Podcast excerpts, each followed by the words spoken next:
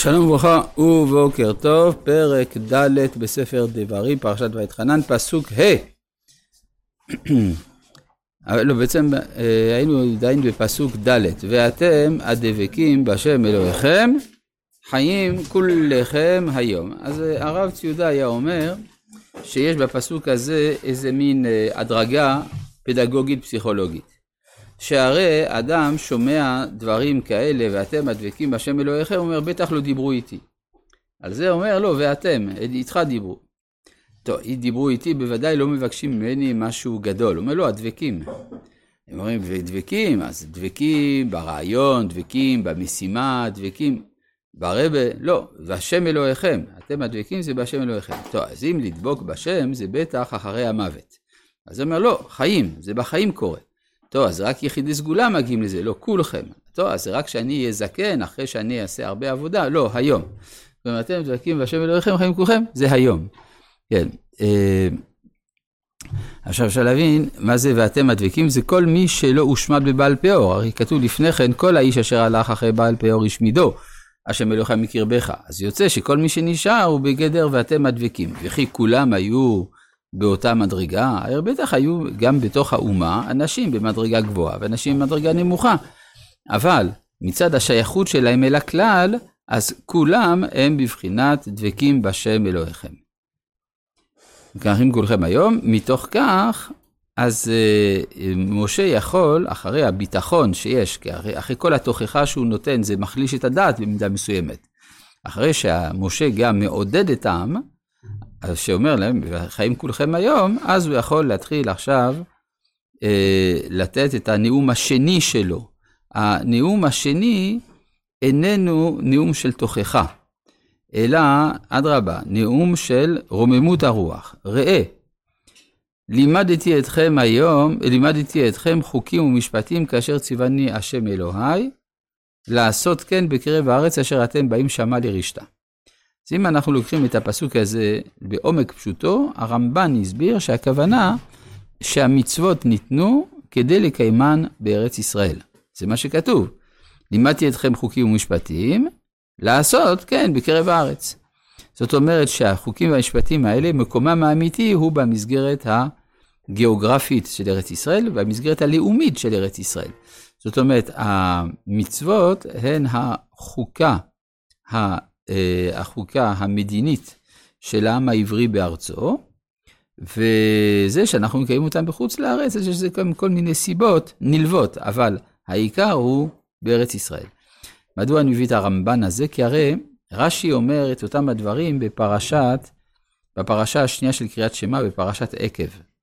הרמב"ן שם לא מסכים שזה הפשט, אבל הוא כן מסכים שזה הרעיון כאן בפסוק שלנו. מה זה ראה לימדתי אתכם? היה צריך להגיד שמע, הרי כל הזמן שמע אל החוקים, אה, שמע ישראל השם אלוהינו השם אחד. אז מה זה הראה הזה?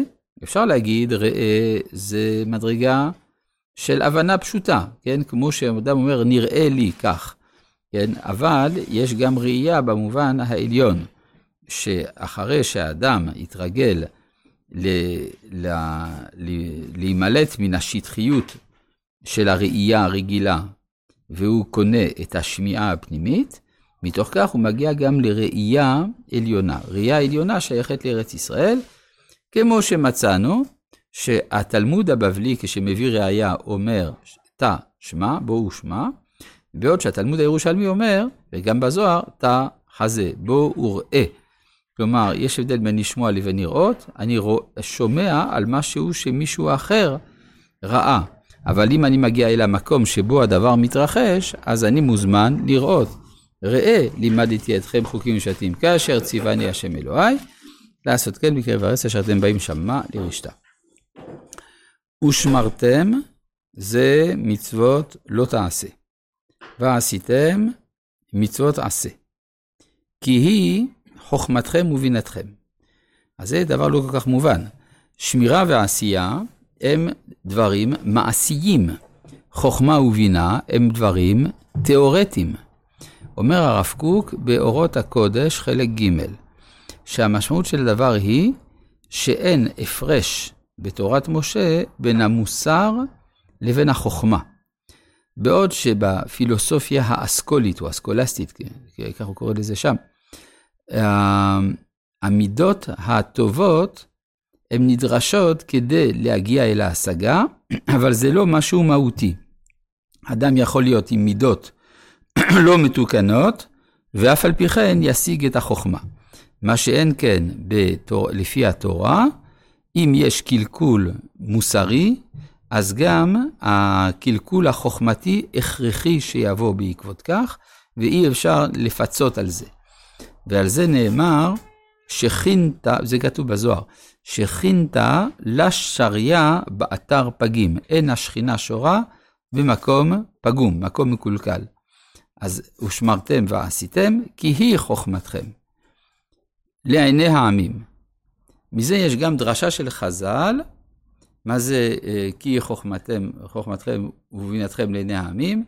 זה חישוב תקופות ומזלות. כלומר חישובים אסטרונומיים.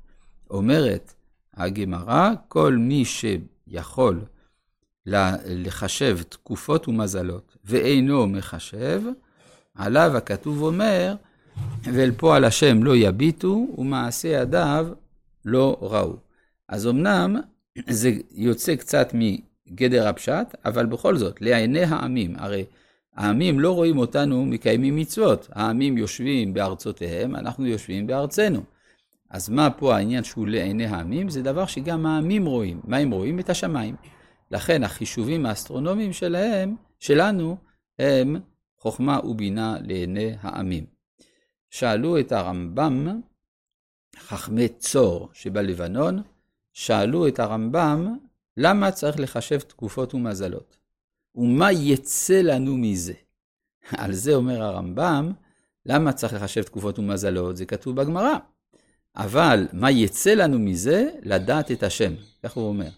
כן, שאמרו, אה, אה, אה, יש לעסוק בתקופות ומזלות, כן, הוא מביא ברייתא שלא מצויה לפנינו.